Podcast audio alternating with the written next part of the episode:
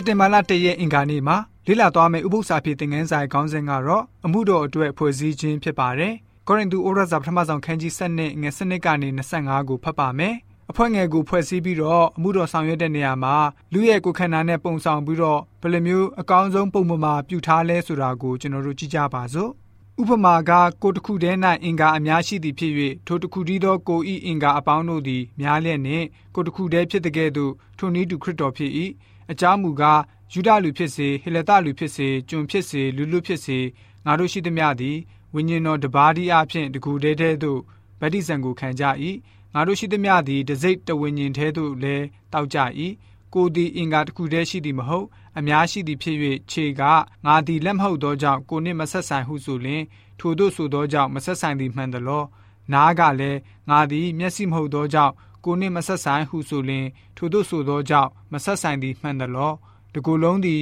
မျက်စိဖြစ်လင်အဘယ်သို့ကြားနိုင်မည်နည်းတကူလုံးသည်နားဖြစ်လင်အဘယ်သို့နမ်းနိုင်မည်နည်းယခုမူကားဖျားသခင်သည်အလိုတော်ရှိသည့်အတိုင်းအင်္ဂါများအသီးသီးတို့ကိုကို၌စီရင်ခံထားတော်မူ၏ထိုမှတပါအင်္ဂါအပေါင်းတို့သည်အင်္ဂါတစ်ခုတည်းဖြစ်လင်ကိုသည်အဘယ်မှရှိလိမ့်မည်နည်းယခုတွင်အင်္ဂါအများရှိလျက်နှင့်ကိုတစ်ခုတည်းရှိ၏ မျက်စိကတင့်ကိုငါအလိုမရှိဟုလက်ကိုမဆိုရထိုနည်းတူဥကောင်းက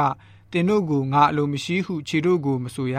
ထိုများမကအာနှဲဟန်ရှိသောအင်္ဂါတို့သည်တာ၍အသုံးဝင်ကြ၏အတရေနှဲဟန်ရှိသောအင်္ဂါတို့အားလည်းတာ၍ကြီးသောအတရေကိုပေးတတ်၏တင့်တယ်ခြင်းမရှိသောအင်္ဂါတို့သည်တာ၍ကြီးသောတင့်တယ်ခြင်းကိုခံရကြ၏တင့်တယ်လည်းရှိသောအင်္ဂါတို့သည်အခြားသောတင့်တယ်ခြင်းကို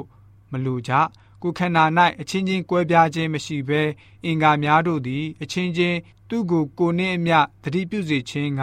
ဖျားသခင်သည် ကိုခန္ဓာကိုမျှစေ၍ရုပ်သောအင်္ဂါအားတာ၍များသောအတရေကို ပေးတော်မူ၏ဆိုပြီးတော့ဖော်ပြထားပါတယ်။ရှင်ပေါလုဟာဆိုလို့ရှိရင်အသင်းတော်မှာရရှိထားကြတဲ့ဝိညာဉ်ဆုလက်ကိုအသုံးပြုခြင်းမှာသာအရေးကြီးတယ်လို့ဖော်ပြမထားပါဘူး။ဘယ်လိုမျိုးဖွဲ့စည်းထားတဲ့ပုံစံကိုပါဖော်ပြပေးထားပါတယ်။ဝိညာဉ်ရဲ့ဆုလက်တွေကိုခရစ်တော်ရဲ့ကိုယ်ခန္ဓာနဲ့နှိုင်းယှဉ်ပြီးတော့ဘယ်လိုမျိုးလှုပ်ဆောင်မှုတွေပြုကြတဲ့အကြောင်း ဆွေးနွေးတင်ပြထားပါတယ်။လူကိုယ်ခန္ဓာနဲ့ဂုံအင်္ဂါတွေအကြောင်းကိုလေ့လာတဲ့နေရာမှာကိုယ်ခန္ဓာကမတူညီကွဲပြားခြားနားတဲ့လှုပ်ဆောင်ချက်အသီးသီးကိုအဖွဲ့အစည်းအစုဖွဲ့ပြီးတော့လှုပ်ဆောင်နေတာကိုတွေ့ရှိရပါတယ်။ဥပမာအစာချေအင်္ဂါအဖွဲ့နှလုံးသွေးကြောလက်ပတ်မှုအဖွဲ့အသက်ရှူအင်္ဂါအဖွဲ့အယိုးတွေတိဆောက်ပုံအင်္ဂါအဖွဲ့နဲ့အခြားသောကိုယ်ကာယနဲ့တွဲဖွဲ့ပါဝင်တဲ့အဖွဲ့အစည်းအနည်းငယ်တွေကိုလေ့လာတွေ့ရှိရပါတယ်။ဝိညာဉ်စုကျေးဇူးဟာလူကုခန္ဓာရဲ့ကွဲပြားတဲ့အစိတ်ပိုင်းတွေနဲ့တူပါတယ်။ သူတို့တွေဟာမိမိတို့အဖွဲ့အတွက်အကောင်းဆုံးအလုပ်ကိုစူးစမ်းလှုပ်ဆောင်ကြတာကြီးဖြစ်ပါတယ်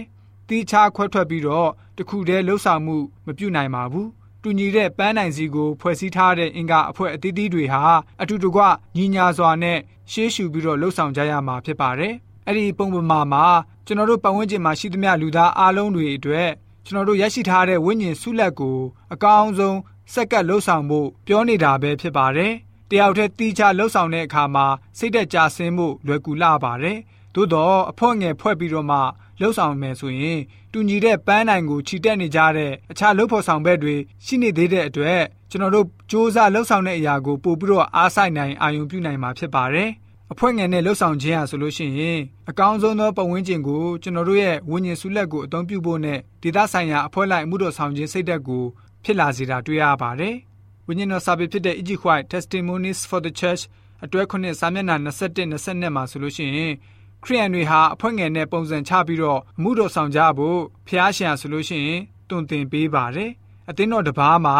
လူများစွာရှိနေမယ်ဆိုရင်အသင်းသားတွေကိုအဖွဲ့ငယ်ဖွဲ့စည်းစေပါ။အသင်းသားတွေအတွက်သာလှုပ်ဆောင်ပေးဖို့မဟုတ်ပါဘူး။မယုံကြည်သူတွေအတွက်ပါဝင်လှုပ်ဆောင်ဖို့လိုပါတယ်။နေရာတနေရာမှာအမှန်တရားကိုလူနှစ်ဦးသုံးဦးသာသိရှိထားတော်လဲပဲ အမှုတော်ဆောင်အဖွဲ့တစ်ခုအဖြစ်ဖွဲ့စည်းလိုက်ပါ။မကွဲမပြတ်နိုင်တဲ့စီလုံးချင်းမျိုးနဲ့ချီနှောင်ထားစေပါ။မေတ္တာနဲ့စီလုံးခြင်းဖြစ်ပေါ်စေပါရှစ်ဆက်လှမ်းချီဖို့အချင်းချင်းအားပေးပါတူးကိုတူးရိုင်းမင်းကူညီခြင်းအပြင်တတ္တိနဲ့ခွန်အားတွေရရှိလာမှာဖြစ်တယ်ဆိုပြီးတော့ဝိညာဉ်တော်စာပေကဖော်ပြထားပါတယ်အဖွဲ့ငယ်နဲ့အမှုတော်ဆောင်ခြင်းအလုပ်ကိုဖျားသခင်ကနေဗိသိက်ပေးထားပါတယ်အထူးသဖြင့်အသင်းသားတိုင်းဝိညာဉ်ရေးတိုးတက်စေဖို့အတွက်ဖြစ်ပါတယ်နောက်ပြီးတယောက်နဲ့တယောက် နှွေးထွေးမှုစိတ်သဘောထားတွေဖြစ်ပေါ်စေပါတယ်။ပြီးတဲ့အခါမှာအားလုံးဟာစုပေါင်းပြီးတော့ဖျားရှင်ပေးတဲ့ဝိညာဉ်စုကျေးဇူးတွေနဲ့ပါဝင်လှုပ်ဆောင်ခြင်းအပြင်ဖျားရှင်ရဲ့အမှုတော်ဟာတကယ်ပဲထိရောက်အောင်မြင်တယ်ဆိုတာကိုသိစေဖို့အတွက်အင်္ဂါနေ့ဥပုသ္စာဖြစ်တဲ့ငန်းစာကဖော်ပြထားပါတယ်။